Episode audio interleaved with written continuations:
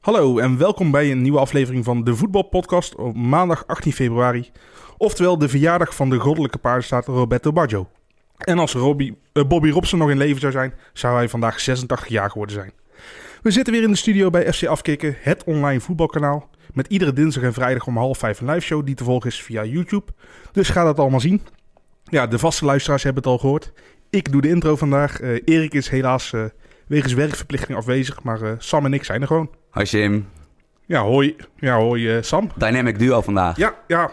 De laatste tijd komt dat toch wel vaker voor. Dus, ja, eh, ja, ja, ja.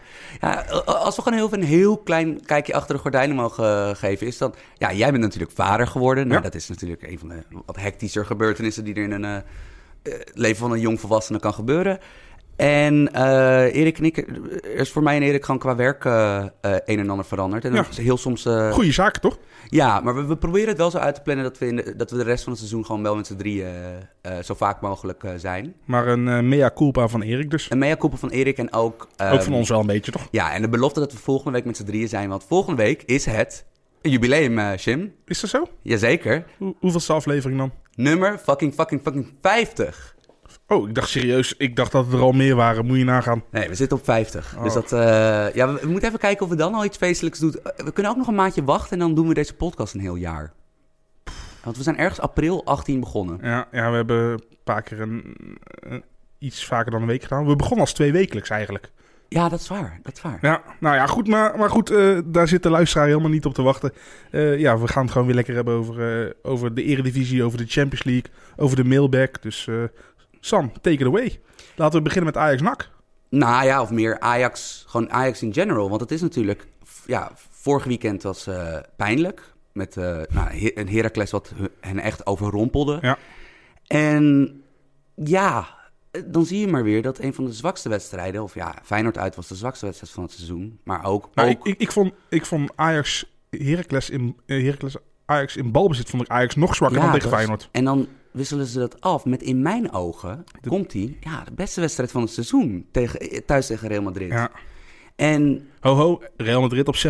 Oh, sorry, sorry. Die speelde natuurlijk met de handrem er- Ja. erop. Want namelijk, ja, dat, dat, dat is wat ploegen doen in de achtste finale van de Champions League. Hè? En daarom stel je ook bijvoorbeeld je, je slechtste spelers zoals Modric op bijvoorbeeld, toch? ja, en ja, Ramos. Ja, ja, ja. dus dat, eh, dat, dat moet het helemaal geweest zijn. Nee, ik was, eh, ik was diep onder de indruk van Ajax. Jij niet jongens, alleen, denk ik. Nee, ik denk, denk ja, ik niet alleen, nee. En een paar jongens ja, speelden echt, eh, nou, ook misschien wel hun beste eh, wedstrijden in Ajax-dienst. Tadic, Neres, die waren vond ik verschrikkelijk goed. Mazraoui was weer goed. Masraoui was echt weer heel goed. Ehm, en dat werd vervolgens gevolgd door waar op woensdag een heel vreemde Ajax-wedstrijd was. Waarin je de winnaar van de afgelopen drie Champions Leagues het heel erg lastig maakt. Is dat je vervolgens weer gewoon het klassieke beeld krijgt van een eh, topclub in een thuiswedstrijd in, In de Eredivisie. Dat de bezoekende ploeg, een laagvlieger, ja, niet veel anders kan dan heel ver terugzakken. Ja, want we, we- jongens, we gaan het NAC toch niet kwalijk nemen dat ze dit doen. Nee, en ook ik, ik, ik, NAC is een van de weinige ploegen die vanuit een vier- 5-4-1 verdedigt in de, in de Eredivisie dit jaar. En ook, nou ja, tot aan die penalty. Waarvan ik nog altijd vind, ik, ik, weet- ik weet dat, dat, dat het merendeel van de mensen waaronder jij gewoon zegt van ja, tuurlijk is het een penalty en mapt de bal weg. Ja, ik had zoiets van, ik vind het een beetje...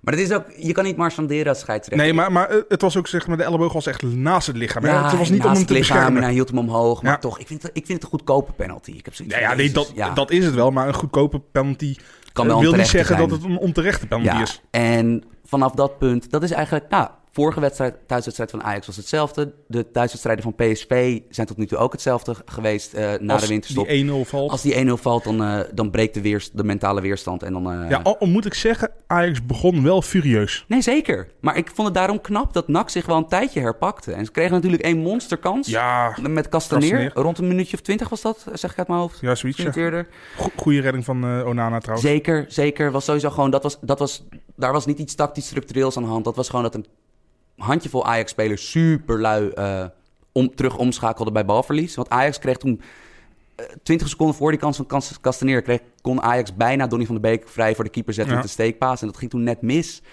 En gewoon, ja, luiheid le- le- leidde bijna tot een, tot een tegengoal.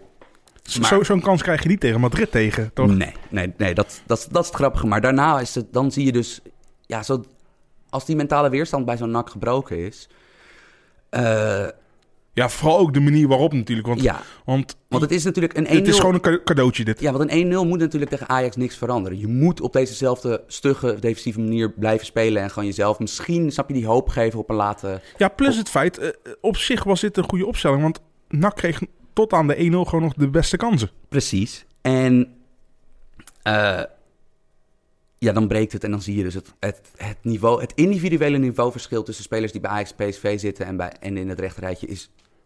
Ik, heb dat in die 28 jaar dat ik, dat ik nu leef en van voetbal hou, heb ik het verschil niet zo groot gezien als dit seizoen. En dat gebeurt wel heel vaak bij wedstrijden van Ajax PSV. Dat als eenmaal eh, de, de volledige noodzaak bij een tegenstander om in dat defensief blok te blijven weg is, dan wordt het, wel, dan wordt het vaak lelijk. Maar, maar je ziet eigenlijk ook maar weer de, de, de waan van de dag en de schizofreniteit van het voetbal. Van iedereen eh, roept voor de winterstop. eh, ja, Ajax, eh, PSV zijn uitgeleerd. En nou na een paar keer onfortuinlijk, vooral bij PSV onfortuinlijk pu- puntverlies, kunnen ze er ineens niks meer van. Ja. Nou, ik, ik wil daar niet, niet te veel Nee, mee gaan eigenlijk. Nee joh. En ook ah, bijvoorbeeld Ajax na die moeizame weken. Dat is natuurlijk gewoon nog steeds een heel goede, voor Ajax begrip, een heel goede ploeg. Ja, en, ze kunnen een keer punten verliezen. Ja. En ja, toevallig gebeurt er nou een paar keer achter elkaar. Maar dit had ook over 7, 8 wedstrijden uitgesmeerd kunnen worden. Zeker. En daarnaast gewoon niet vergeten, PSV. Gewoon, er hangt rondom PSV altijd dat narratief van... Ja, doen geen gekke dingen, halen het maximale uit. Maar dat vind ik te kort doen aan hoe goed deze ploeg, Ja. ploeg is dit jaar. Dat is gewoon een historisch goede eredivisieploeg. Nee, klopt. Eh, we gaan het straks nog over PSV hebben. Ja. Maar heb je nog iets over Ajax-NAC te vertellen? Nou ja, dat ik, ik zat even over NAC te denken. Want we hebben het natuurlijk niet zo vaak over NAC, NAC Breda en over dat soort ploegen. Ik, ja, ik vind het zo jammer. Voor twee, ik vind het voor twee partijen jammer. Drie, als we de grote voetbaltwitteraar Daniel Voetbalgeneuzel meerekenen. Heel lieve jongen. is. Grote speler. Grote speler, lieve jongen.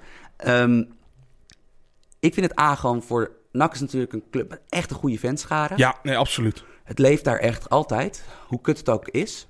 Ehm, en vooral B, Mitchell van der Gaag is gewoon een goede voetbaltrainer. Ging Excelsior inruilen voor, eh, voor NAC, voor NAC? En zowel de fans als Mitchell van der Gaag hebben natuurlijk not a lot to work with gekregen qua spelers. Want Jamie, Nicky... maar maar eh, kunnen, kunnen we dit Mitchell van der Graag kwalijk Nee, nemen? natuurlijk niet. Nee, tuurlijk niet. Dat, dat, nee, maar dat is dus... eh, Maar je zou toch denken dat NAC wel ja, iets, iets competitievere ploeg eh, bijeen kan rapen in de, in de je zou zeggen, qua- naam is, moet het een beter team kunnen zijn dan een... En mogelijk Graafschap. Ja, ik wil, wil die ploeg niet tekort, komen, eh, tekort doen. Maar een Emmen, een, een VVV, een Excelsior, Ja. dat soort dingen. Daar moet je eigenlijk als NAC toch boven kunnen eindigen. Ja, ja, ja. Maar het gebeurt niet. Nee. En ehm, eh, ja, ik weet dat jij nog even wilde hebben- hebben over de opstelling van Ajax. Want ze speelden inderdaad gewoon dezelfde elf als, als in de Champions League tegen NAC. Ja, Dus met Tadic als valse spits, Neres als linksbuiten. Ehm, ja Neres kon je er moeilijk ook eh, ja, buiten zetten natuurlijk. Nee, die kan je voorlopig even niet op de bank zetten. hè. Nee, is, ja, eh, dan wordt Dolberg en slash Huntelaar wordt eh, ja, het kind van de rekening, zoals dat zo mooi heet. En jij wilde... Ik had, ik- volgens mij had ik, het, ik had het idee dat jij een beetje dacht van... hey, klopt dit wel? Met met een tegenstander waarvan je weet dat ze zo ver gaan ingraven... is dit de juiste opstelling? Ja. Ja, kort antwoord, ik denk het niet. Maar aan de andere kant... Maar zelfs met deze opstelling eh, moet je een surplus aan kwaliteit Ja, hebben. en ik bedoel, en je kreeg dus ook in de rust... deed Ten Hag de aanpassing die je moet doen. Dus dat je gewoon in wezen nog maar met één verdedigende middenvelder gaat spelen. Het, het, Door het zal me niet verbazen dat... Ik ga nou wel heel erg aluminium hoedjes doen, maar er werd altijd zoveel op eh, Ten Hag aangesproken van zijn wissels hebben geen effect. Hij denkt, ja, zullen we nog wel zien. Ik ga gewoon met een verkeerde opstelling beginnen. Kan ik Dolberg erin wisselen voor, voor Schöne. Tactiek even veranderen en het gaat lopen. Classy goaltje was dat, hè, van Dolberg. Ja, perfect. En dat er bijna twee. Hij had bijna een identieke goal een Ja, kwartiertje bij later. de eerste, eerste paal inderdaad. Ja. Ja, eh, maar goed, eh, ik vind hem nog steeds te veel uitglijden. En ja, ik, ik, ik, ik heb een, ik heb een haat-liefde, maar voornamelijk liefdeverhouding met, eh, met Dolberg.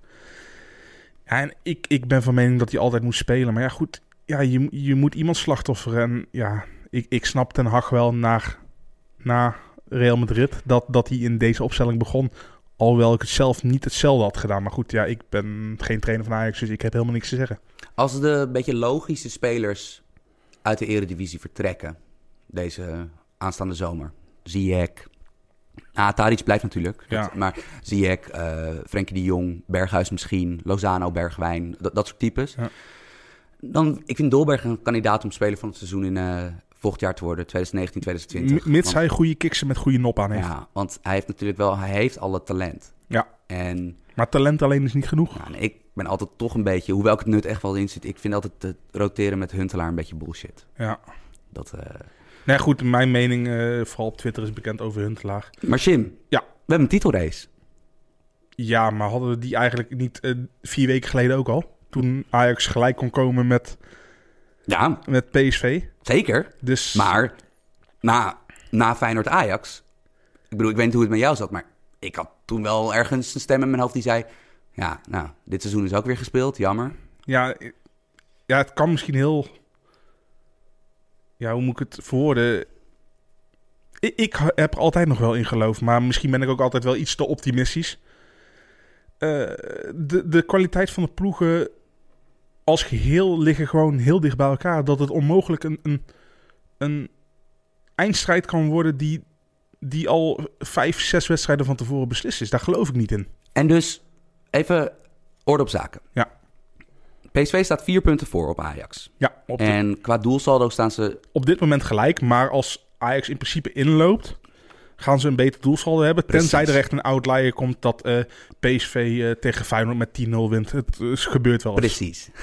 en ook het, eh, daarnaast is dus ook, als het in doelpunten gelijk zou komen, is het dan weer lijkt PSV het voordeel te hebben. Want wij denken allebei niet dat, P- dat Ajax met, met heel veel doelpunten verschil gaat winnen. Als ze al winnen in Amsterdam van PSV. Nee, maar goed, in principe als Ajax wint, eh tel die doelpunten dubbel natuurlijk. Ja, want, Want, als, even- A- want als Ajax één keer scoort, krijgt PSV dus één tegen. Dus dat is wel een verschil van twee gelijk. Precies, dus even een huishoudelijke. Even, even, even, even de eh, orde op zaken stellen in het huishoudboekje. Het Het gat is vier punten. We hebben nog twaalf wedstrijden te gaan. Ja.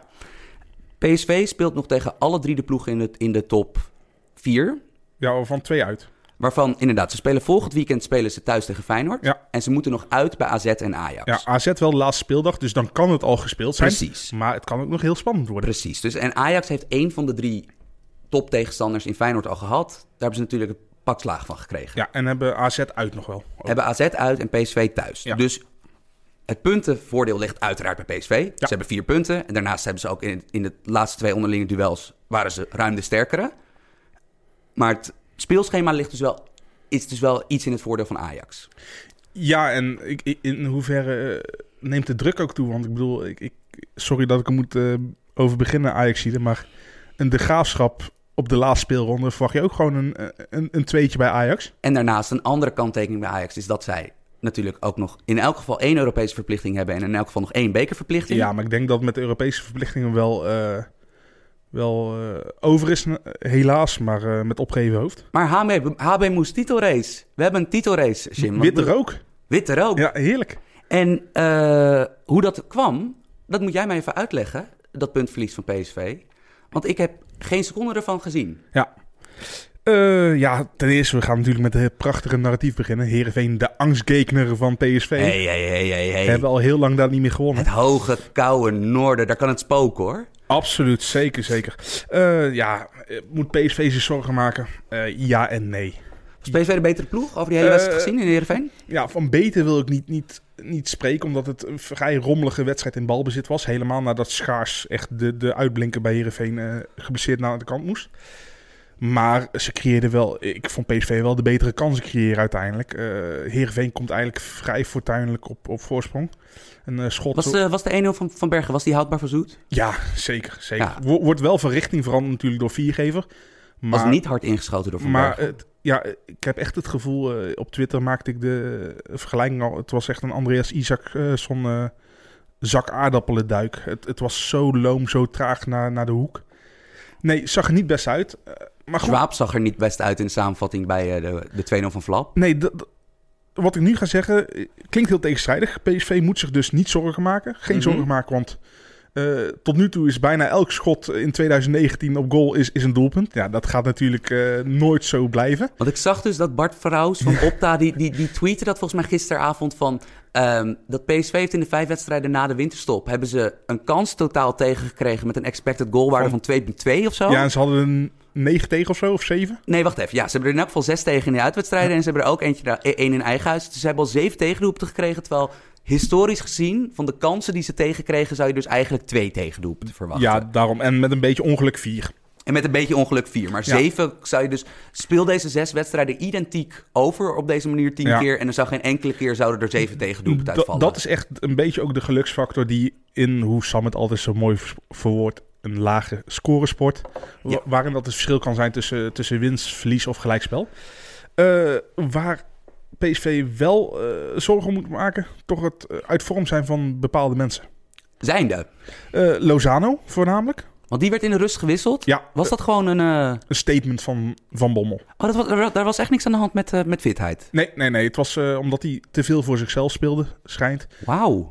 In de Telegraaf stond heel mooi vermeld dat het vooral Lozano voor zijn eigen YouTube-compilatie aan het spelen was.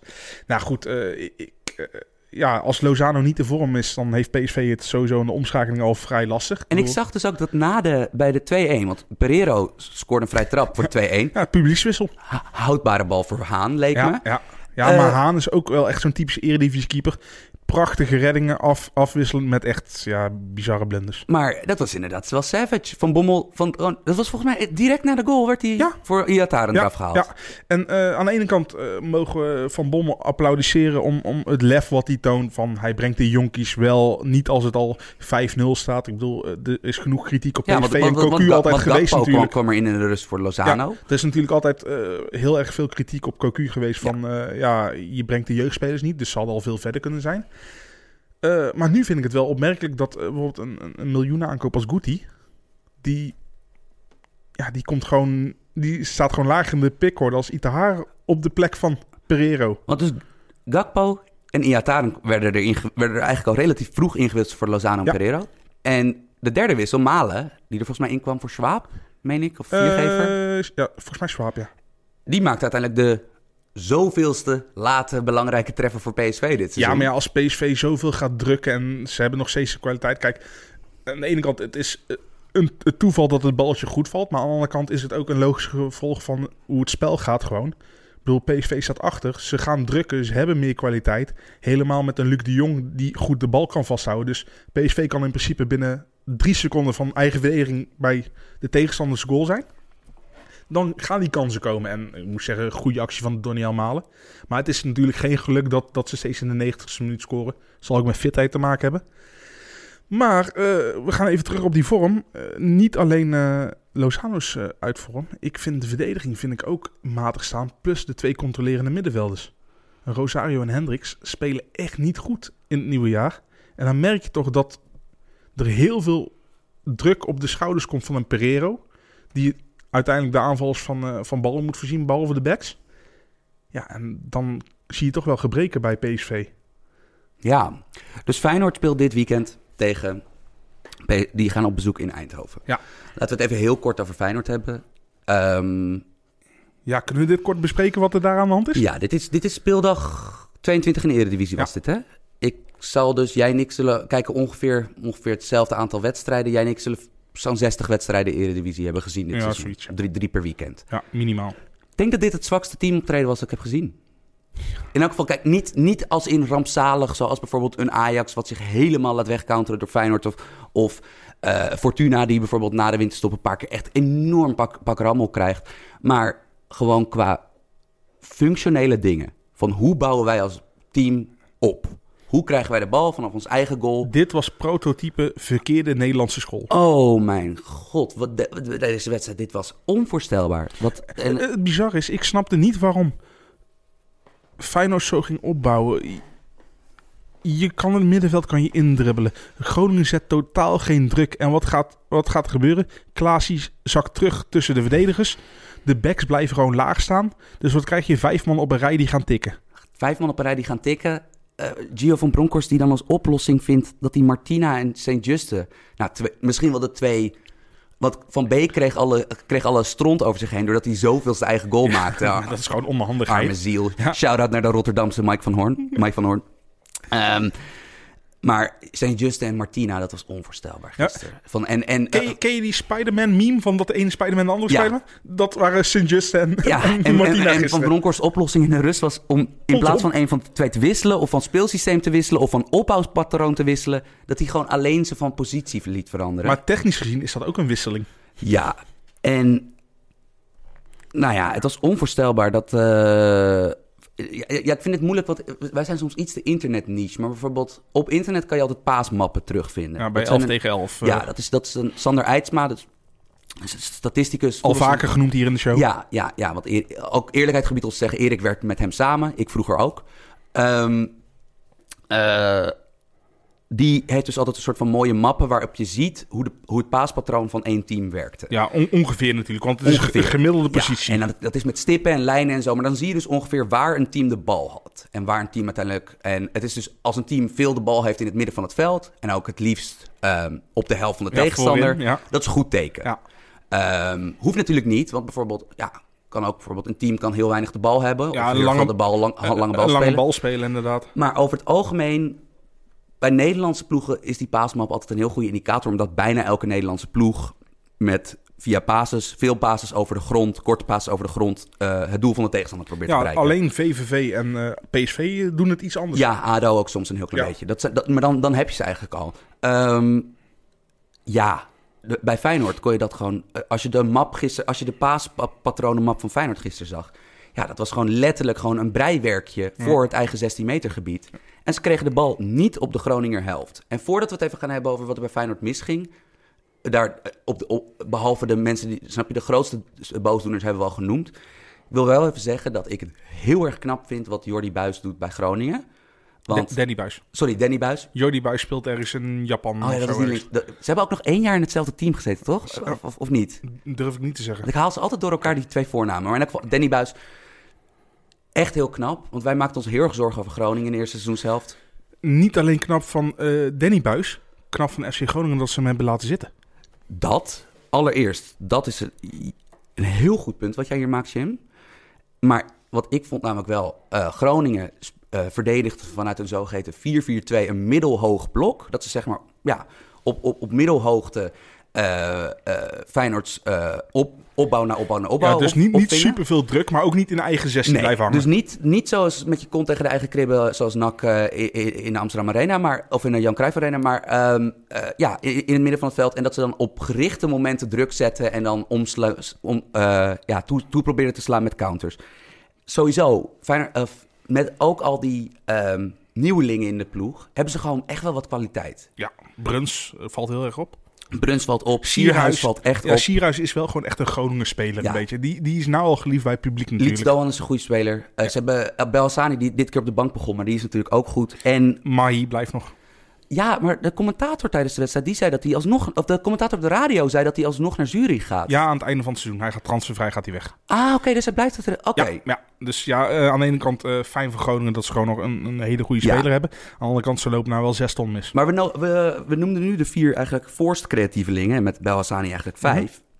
Maar ik vond de uitblinkers bij Groningen gisteren de twee verdedigende middenvelders. Memisevic, nou, een paar Ja. weken geleden al... al Die staat in ons FM-team. Ludovic Reis Ja, speelde een keisterke wedstrijd. Viel me ook al op tegen PSV uit. Dat dat een, eh, ja. dus een jonge jongen is die, die, die heel goed besef heeft... van wat hij als verdedigende middenvelder voor het team moet doen. Heeft, heeft even een dipje gehad. Is er ook even naast komen te staan natuurlijk. Maar eh, Maar Jim de Uitblinker was iemand die hier in Amsterdam in omstreken enorm belachelijk is gemaakt. Zeefuik? Deo Faisio Zeefuik. Puikenbek bij Groningen. Ja, maar, maar ja, we gaan nou geen twee dingen door elkaar halen. Een, een Ajax-back moet ook goed met de bal zijn. Ja, En voor Ajax begrippen is op dit moment, kijk in de toekomst, ik heb geen glazen bol, maar een Zeefuik is niet het gewenste niveau van Ajax 1. Maar van voor Groningen is dat toch geweldig? ja dat is top. Ja. Ja, dat is echt top. Dat, eh, ja, ik, ik, ik, ik, ben, ik ben dol op hem geworden. Maar Jim, wat viel er bij Feyenoord op? Behalve dat el- eindeloze gepriegel achterin. Ja, eh, dat twee van je betere spelers elkaar gewoon of negeren of in ieder geval niet weten te vinden. Wie, wie, wie? Eh, Robin van Persie en eh ja, Jurgensen. Die hebben volgens mij elkaar vier keer of zo de bal toegespeeld. Ja, ja bizar. Ja, dat is heel raar. Want je, zou toch denken, goede voetballers vinden elkaar altijd. Ik bedoel, Berghuis en Van Persie weten elkaar wel goed te vinden. Ja, ik, ik weet niet wat het is. Is, is, is dit sabotage? Negeren ze elkaar echt? Of Ja, ik weet het ook niet, man. begrijpen ze elkaar niet in het veld? Ah, maar sowieso. eh Jurgensen, hier werd al vaker over gehad. Ik, ik, ja. Wat is dat met Deense spits in de eredivisie? ja, joh.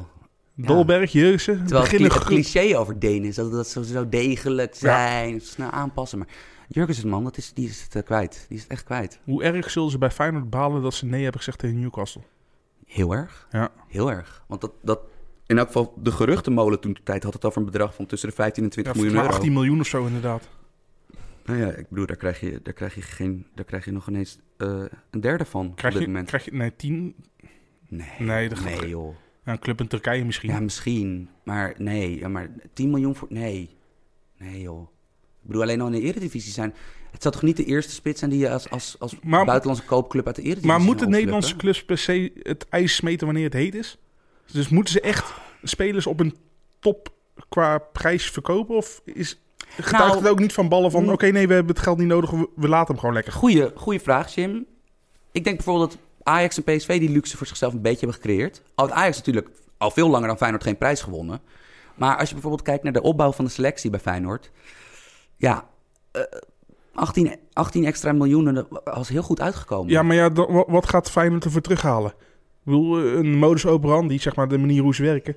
is de eredivisie weer leegkopen. Ja, nee, dat is inderdaad dan weer dat Brian Linsen. Ja. Ja, ja, ja. Ja, eh, ik bedoel, ik, ik, ik vind het te, te makkelijk om te zeggen van... ze hadden moeten verkopen. Kijk, achteraf weet iedereen wat hij had moeten doen. Maar jouw vraag was een slimmere. Die was, Ja. hebben ze er spijt van? Ja, tuurlijk hebben ze er spijt van. Ja. Eh, toch acht ik ze niet kansloos in Eindhoven komend weekend. Nee, want eh, ze gaan nou tegen een ploeg spelen die waarschijnlijk betere kwaliteit spelers heeft dan Feyenoord. En dus, eh, vooral thuis voor PSV, ze meer de bal gaan hebben. Ja, en ik bedoel, in Rotterdam, bij, bij de klassieker in Rotterdam, heb je natuurlijk gezien dat als Feyenoord met felheid en geloof een wedstrijd instapt en met een goed, goed plan om druk te ontwikkelen op de tegenstander, ja, dan kunnen ze de balbezitploeg, en zeker Ajax, die natuurlijk sowieso al op de omschakeling te pakken zijn, ja, dat- dan is het opeens een, kan het een heel indrukwekkende ploeg zijn. Want dan is, heb je opeens, als je die Vilena en die Toornstra hebt, ja, dat, dan... eh, eh, Ja. Dus daarom acht ik ze niet volledig kansloos. Nee, maar toch, eh, ja, we gaan inmiddels wel van een uitsyndroom spreken bij, bij Feyenoord. Ja, Ik ze bedoel, buiten, wat. buiten die hoeveel, Kuip... hoeveel punten hebben ze buiten de Kuip ja, Heel weinig. Ja. Iets ongeveer rond de één per wedstrijd. Ja, dat is... Dat, ja. En ze moeten wel uit naar Eindhoven. Maar goed, aan de andere kant, historisch gezien ligt de tegenstander Feyenoord redelijk, PSV. Vooral de laatste jaren. Ja, eh, ik ga nou een heel mooi cliché en open deur erin trappen. Het blijft een wedstrijd op zich. Ja, Het, het zou me niet verbazen als... eh, geen enkele uitslag zal me verbazen. Ik, ik, ik zou het kunnen begrijpen als, als PSV eroverheen was. Het zou me ook niet raar lijken als Feyenoord wel gewoon weer boven zichzelf uit gaat stijgen. eh, goed weet af te jagen. De bal niet altijd in bezit hoeft te houden. En dat ze gewoon 0-2 winnen. Ja, dit is niet een wedstrijd waarop ik eh, zou gaan gokken. nee, dat lijkt mij ook niet. Nee. Dit lijkt me een pittige. Maar, maar goed, behalve die, behalve die wedstrijd die, die ze in Eindhoven zomaar kunnen winnen... moeten ze ook een beetje naar achterom kijken. Naar AZ natuurlijk. Want die komen dichterbij.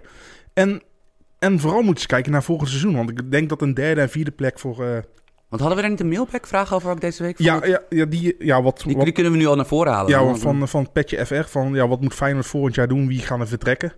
Eh, allereerst denk ik eh, over de positie van dat derde en vierde voor Feyenoord niet heel veel uitmaakt. eh, behalve tv-geld. Want ik zie... Ja, Willem II zie ik de beker niet winnen. Dus een van de drie andere. Ajax, AZ, Feyenoord. Ja, daar komen er twee sowieso in de top drie. Dus volgens mij schuift dat tikken dan, dan door. Want eh, dus de- die, ze komen, dus het, Ze de kan- kans is heel groot dat AZ en Feyenoord volgend jaar... wie er ook derde en wie er ook vierde wordt... wie er ook de beker wint...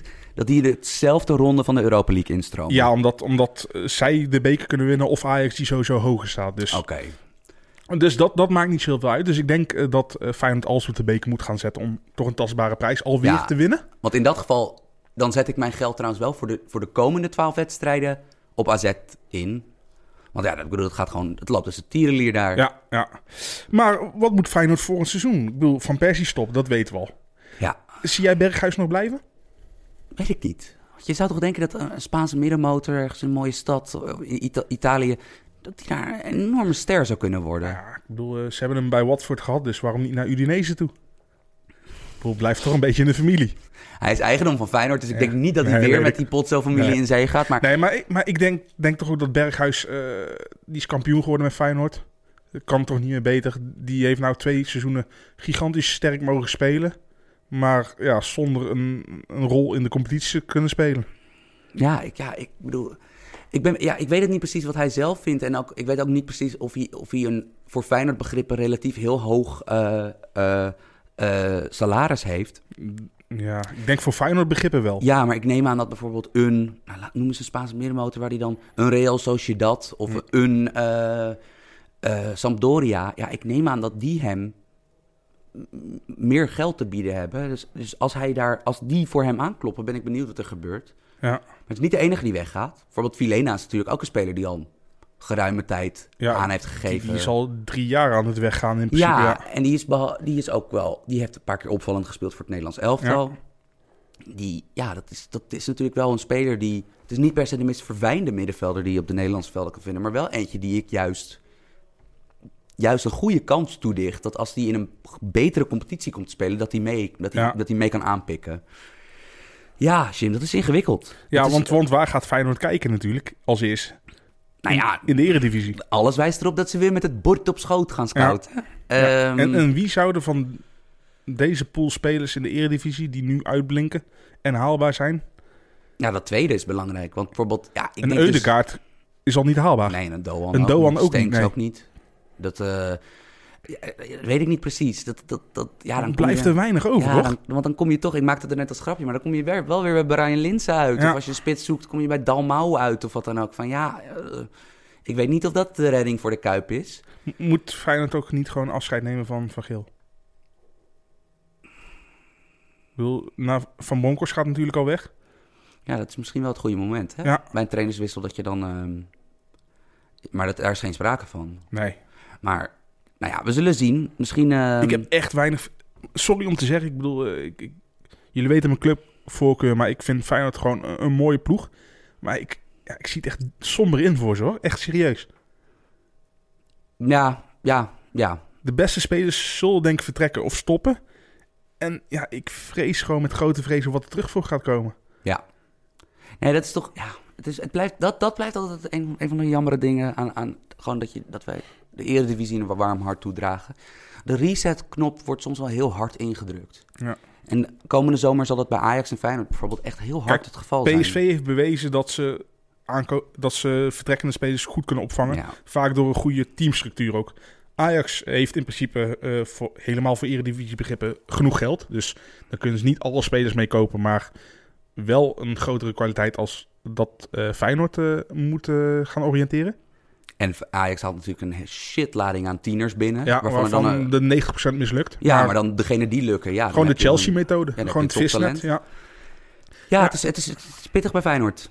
Geen doorstroom vanwege het jong eh, Feyenoord debakel. Ja, ja het is. eh, ik, ik, ik, ik hoop gewoon, ik help het ze hopen. Ik hoop, ik hoop gewoon dat er, dat, dat er in de komende. Dat er gewoon weer een voltreffer als de, de- of Pelle, desnoods Ja. is het per toeval, weet je wel. Ah, Maar nog dat je weer verder kan bouwen. Nog leuker zou zijn als er een paar jongens uit de jeugd heel goed blijven. Ja. Dat, zou, dat zou top zijn. Ja. Dat er gewoon via op die manier. Nou goed, de, de, de, de spelen twee jeugdspelers van Feyenoord goed. Eh, Chong en Zirkzee. Maar ja, Ja. beide bij Europese topclubs. Nou goed, aan de andere kant, Zirkzee heb je volgens mij van ADO zelf gehaald. Dus hoe, je- hoe je er vaak aankomt, ja, zo raak je ze ook heel vaak weer, weer kwijt natuurlijk. Ja, Maar er moet echt wel weer wat doorkomen bij Feyenoord. eh, want ja, Malasia en, en Bijlo, daar doe ik het niet voor. nee. Nee, ja, lastig. Ik bedoel, hier gaan we zeker nog op terugkomen bij de voetbalpodcast. Helemaal als de transferperiode straks weer begint. Maar eh, ik denk dat we wel genoeg Eredivisie hebben besproken. Hè? Yes. Eh, ja, omdat Erik er niet is, hebben wij even wat creatieve vrijheid. Dus ik heb lekker even vier stellingen bedacht. Die Sam binnen per stelling binnen 30 seconden moet ja, ontleden. Geen eh, Ontkrachten of wat dan ook. hele lange monoloog om jullie te irriteren. Dit Ja, keer. dat is Let's eigenlijk do ook een beetje een, eh, een eh, leermoment voor Sam. Zoals ze het zo mooi noemen. 30 seconden op de shotklok. Ja. Let's fucking go, Jim. Mbappé wint binnen nu en drie jaar de gouden bal. Heb ik geen 30 seconden voor nodig. Hell yes. Volgende vraag. Unestal gaat de nieuwe eerste keeper van PSV worden volgend seizoen. Oeh, ik wil hier wel denk ik mijn 20 seconden die ik bij de anderen heb bespaard heel van kwijt. Even nadenken. Eh keepersmarkt is traag. Ik zie niet helemaal waar Jeroen Zoet als eh, wat, zijn stap naar het buitenland moet zijn. En hij heeft natuurlijk veel krediet binnen de club, want hij is natuurlijk een betrouwbare keeper. Ik vind het niet de allerbeste keeper die we in de divisie hebben. Gewoon Maar degelijk. Zeker, maar wel in de gehele periode dat hij daar keept, is top 5. Oenerstal, goede keeper, imposante keeper. Nog 10 seconden. Yes, ik zeg nog één jaar wachten. Bayern München gaat gewoon kampioen in de Bundesliga worden. Oef. We gaan zo meteen ook nog wat eh, Champions League voor beschouwen. En, ehm, Wat weer in een... in, een, in een aparte aparte aflevering podcast, komt. eh, komt, en ja. daar heb ik Liverpool, ik heb Liverpool Bayern deze week voor werk moeten voorbeschouwen. Oef, oef, oef, oef, oef. Eh kielen, kielen, maar ik denk het uiteindelijk wel. Met drama op de laatste speeldag. Oeh, dat is vaker gebeurd. Ja, arm Dortmund.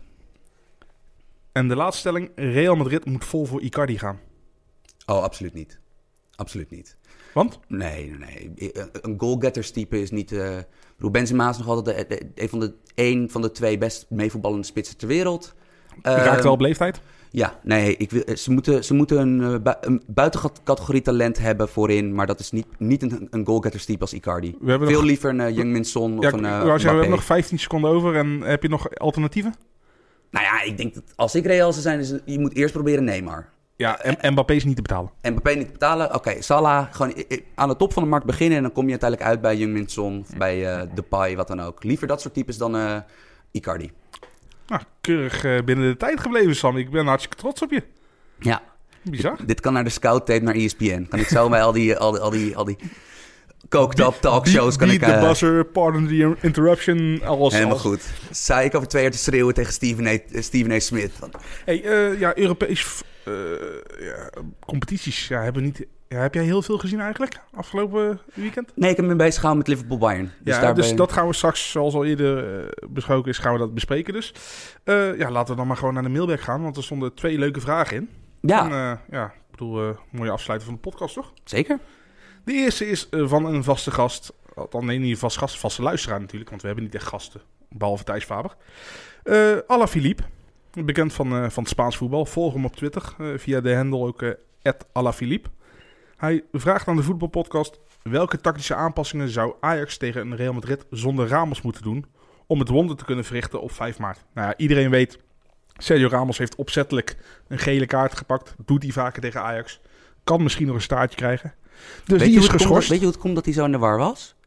Ik heb, ik heb heel erg veel tegen hem lopen schreeuwen. Niet in het stadion, want ik, ik schreeuw nooit in het stadion. Jij bent, Maria! nee, maar jij, bent, jij bent nog nooit met mij in het stadion geweest. Moeten we, moeten we absoluut doen de ko- eh, het komende jaar. Vind ik heel, heel vreemd dat we nog nooit ergens samen zijn geweest eigenlijk. Maar ehm, ik woon naast het hotel waar Real Madrid eh, Oh, eh, zat. jij bent bij het Okura Hotel even de...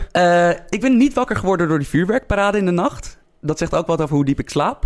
Maar eh, Of, of hoe soft het vuurwerk was. ja, nee, ik- eh, nee eh, mijn vader wilde per se heel vroeg eh, bij het stadion zijn. Eh, omdat hij gewoon, hij was net zoals ik, eh, gewoon nerveus voor de wedstrijd.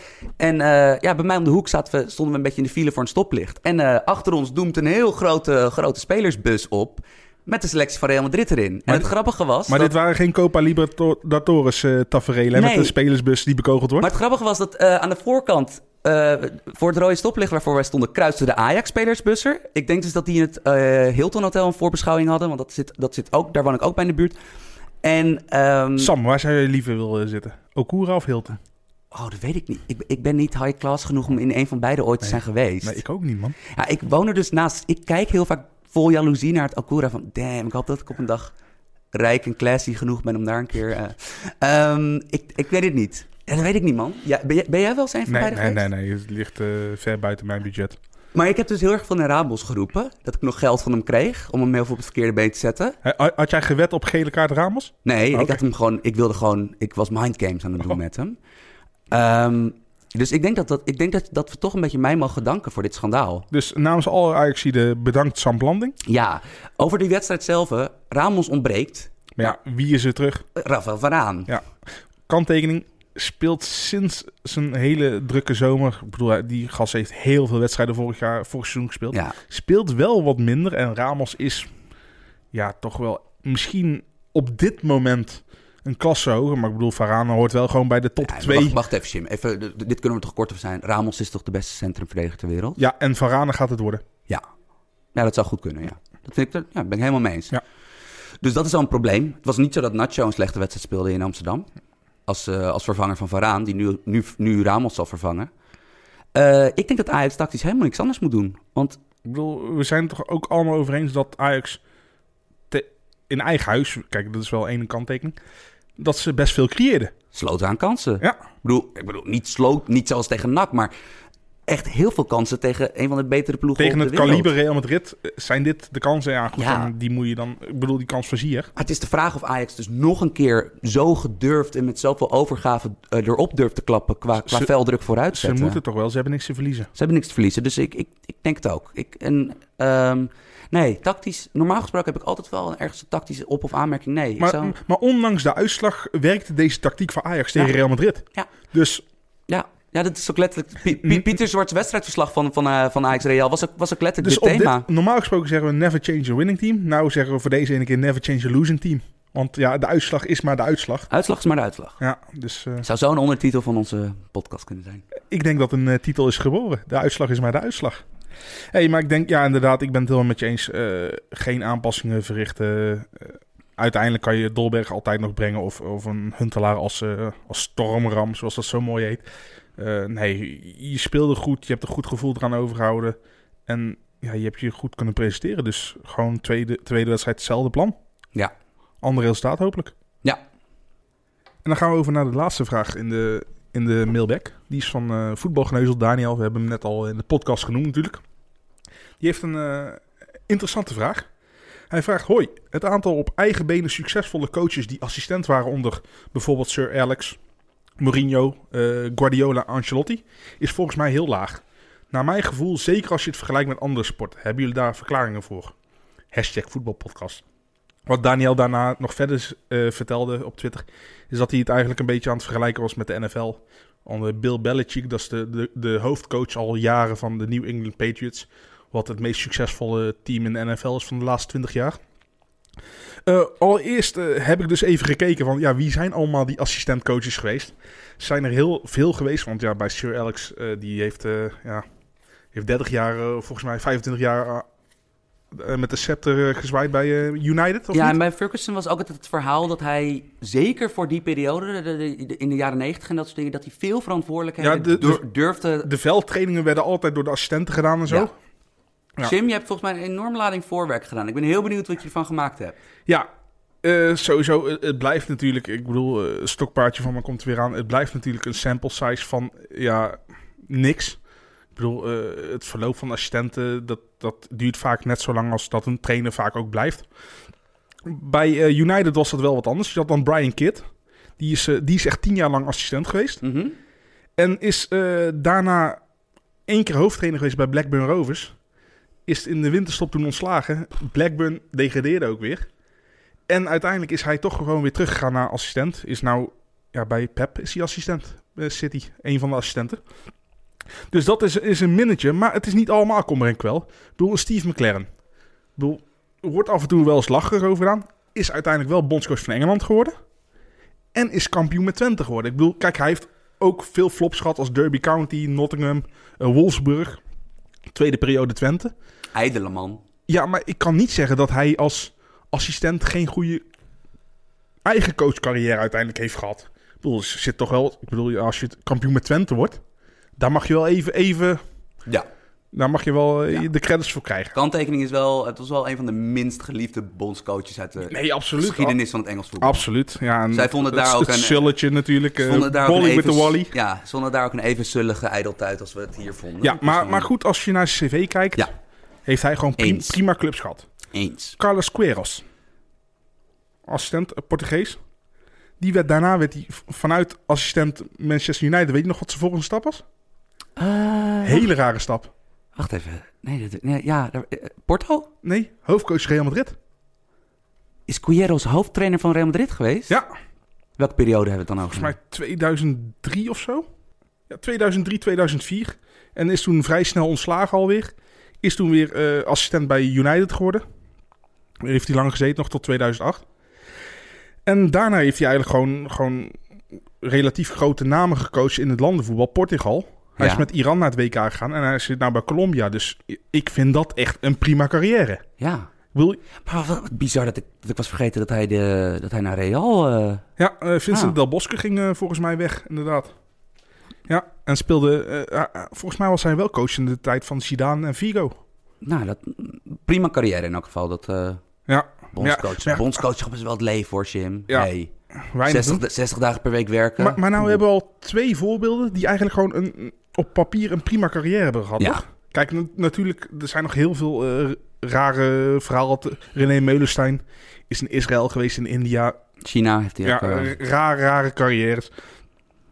Maar wa- wat, ik, wat me opviel, is dat er eigenlijk... Nee. de Wire Ferguson, dat hij... Ja, dat, dat, er, dat er twee van, de, twee van de zes coaches die er waren... hebben gewoon echt een goede carrière gehad. Ja. Vind ik veel. Ja, ja. Ik bedoel, want...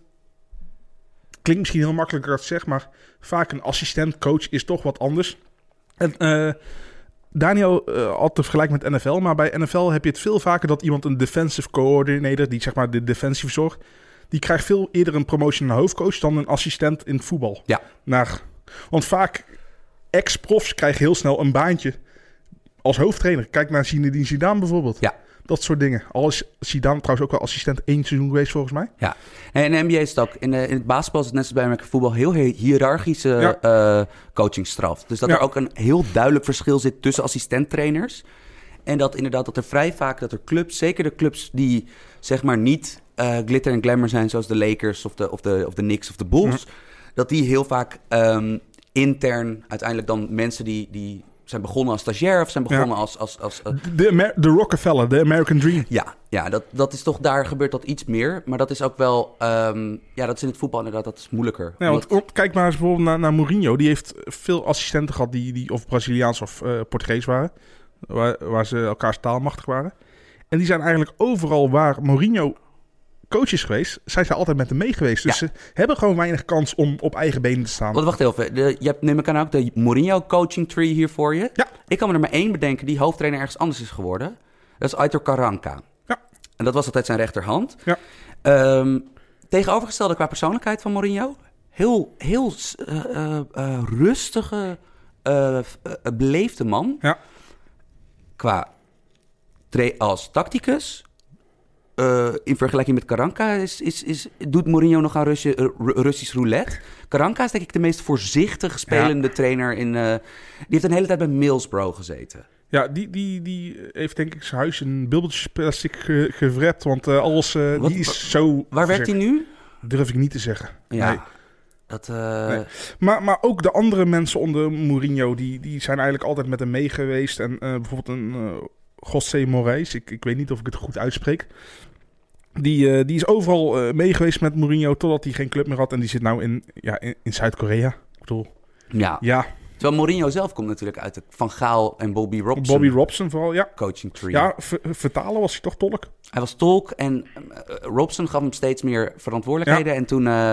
en Van Gaal die had volgens mij één gesprek met hem nodig om te begrijpen van... oh, dit is een voetbalgenie. Dit is daadwerkelijk een geniale denker. Maar wat eigenlijk meer een beetje de rode draad is, is dat eh, die mensen die onder een topcoach als assistent werken, vaak eigenlijk dat de coach overal naartoe volgen. Ik bedoel, dat is bij Carlo Ancelotti zo. Dat is Giorgio Chiassini. Ken ik niet uit mijn hoofd, heb ik moeten opzoeken. Die heeft overal waar Ancelotti heeft, eh, de coach is geweest, is hij geweest. Bij AC, AC Milan was hij er, bij Real Madrid, bij Chelsea, bij Paris Saint-Germain. Bizar eigenlijk hoeveel grote clubs hij heeft gehad, hè, Ancelotti. Ja, Maar eh, en bij, bij Pep is het precies hetzelfde. Uh, Dominic Torrent, die zit nou bij eh, de City-groep in, eh, in eh, Amerika, bij New York City eh, FC. ja. Dus die, is eigenlijk, eh, die zit nog steeds eigenlijk binnen de organisatie van Pep natuurlijk. Maar die is, zit sinds, sinds anderhalf jaar of twee jaar op eigen benen. Maar die heeft ook overal Pep gevolgd. Bij, bij Barça was hij er, bij Bayern München en bij City. En ik denk de, de bekendste assistent Tito Villanova. Ja, we weten allemaal dat tragische verhaal helaas. Maar die heeft ook gewoon nog eh, het trainerschap bij FC Barcelona gehad. Dus de trainers onder Guardiola die op eigen benen gingen staan, small sample size, maar die werden gewoon hoofdcoach van Barcelona. ja. Dus ik denk niet dat we kunnen zeggen van eh, sp- tra- assistent-trainers die op eigen benen gaan staan, krijgen per definitie eh, door die coaches een, een, een, een klote carrière. Ja, maar bijvoorbeeld Pepijn Leiners is, is het voorbeeld in Nederland. Nou ja, Ten Hag, Ten Hag is natuurlijk bij PSV assistent geweest. Maar Ja. dat, Pep Leiners is natuurlijk, was al bij Liverpool. Hij had natuurlijk een enorme carrière daarvoor zelf opgebouwd hè, bij Porto. Ja. Maar eh, die was bij Liverpool al een assistent. Bij NEC, ja nou ja, ook door een media hetsen. Maar dat, dat, dat is toch niet helemaal eh, goed gegaan.